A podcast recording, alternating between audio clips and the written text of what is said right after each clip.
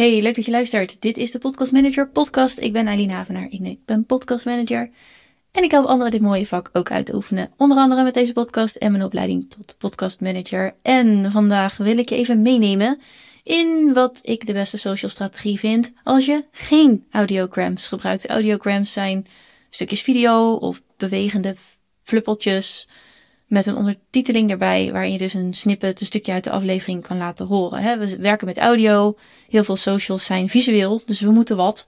En vaak wordt er dan of een stukje zelf opgenomen, ik doe dat zelf ook wel met deze podcast.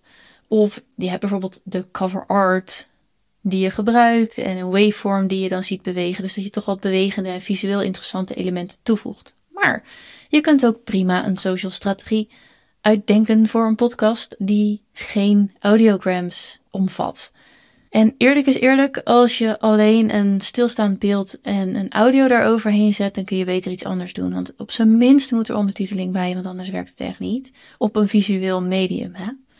Maar goed, als we even de audiograms of shorts of reels of hoe je het ook wil noemen buiten beschouwing laten, wat kun je dan nog doen op socials? En wat ik de beste social media strategie op dat moment vind, is om in je tekst en in je beeld, dus je maakt gewoon een post op welk medium dat dan ook is, LinkedIn, Instagram, X, Twitter, hoe heet het, Threads.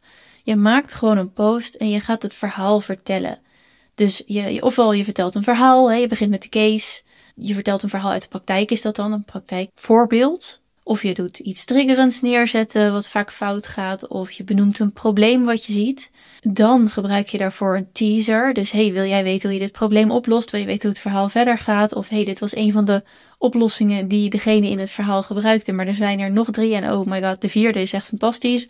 Die klopt niet helemaal, maar je snapt wat ik bedoel. Je gebruikt dan een teaser en dan begeleid je mensen vervolgens naar die aflevering. Klinkt makkelijk, is soms nog wel lastig, want in de tekst en in de foto's, maar als je dit neelt is het echt fantastisch, moet je er eigenlijk een soort must listen van maken. Dus iemand denkt, oh my god, geef me meer, ik moet gaan luisteren. Iemand die dit heel goed doet en die ook wel de leverage heeft. Hè? De, wat is leverage? De, nou ja, sowieso de following en ze kan supergoed storytellen. Is Celine Charlotte bijvoorbeeld. Ik heb dit ook gezien bij business coach waar ik, is dat twee jaar geleden? Ze had Dominique Di nu. Die is nu een andere weg ingeslagen, maar toen tijd had zij ook van die posts die echt super mooi naar haar podcast toeleiden. Waarvan je denkt van ja, fuck, moet dat ding gewoon gaan luisteren. Want ik wil dit verder horen. Dus op die manier kun je op social, ook zonder dat je snippets gebruikt uit de daadwerkelijke aflevering, kun je daar heel succesvol mee zijn om mensen van het ene platform naar jouw podcast toe te leiden. Als podcastmanager is die niet altijd vanzelfsprekend, hè? want je bent in principe podcastmanager, dus jij helpt de ondernemer of de podcaster om de podcast zo neer te zetten dat de kans op succes het grootste is binnen podcasten. En natuurlijk kun je ook social media aan jouw aanbod toevoegen. Maar tenzij je ook daar vandaan komt, hè, je hebt social media managers die daar mega goed in zijn, is dit niet altijd je wheelhouse? Is het niet altijd je precies waar je goed in bent? En ook niet altijd waar je dit vak voor hebt gekozen?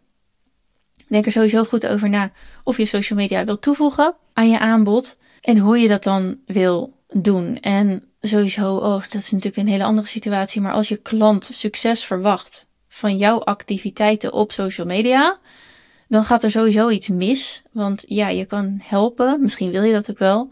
Je kan visuals maken. Je kan eh, misschien mooie Canva plaatjes maken voorbij zo'n post. Je kunt misschien wel heel goed teksten schrijven.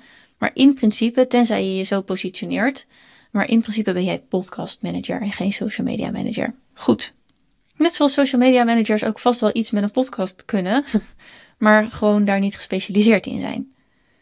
Dit zou dus wel een strategie kunnen zijn die je ofwel kan toepassen voor je klant, of je kunt je klant daarover adviseren. Dus heb, begin met dat probleem, of met de tussen aanhalingstekens de moord, uh, met een triggerend iets, met een praktijkverhaal, maar zorg ook dat er zodanige teaser in zit, dat vanuit die post de podcast echt een must listen is.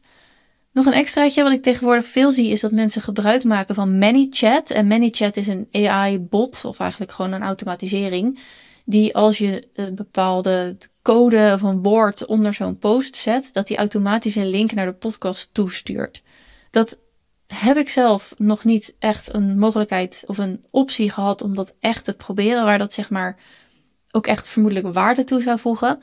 Maar het schijnt I heard it through the grapevine. Het schijnt dat het wel goed werkt. En ik moet zeggen, het is natuurlijk ook wel een hele laagdrempelige manier om iemand nog makkelijker te maken voor iemand om naar die podcastaflevering toe te gaan. Dus heb jij een klant die werkt met ManyChat of heb je zin om dat programma ook uit te proberen, dan valt dat dus zeker aan te raden om deze erbij te pakken en eventueel samen met je klant te implementeren. Tot zover weer even. Dankjewel voor het luisteren en tot de volgende.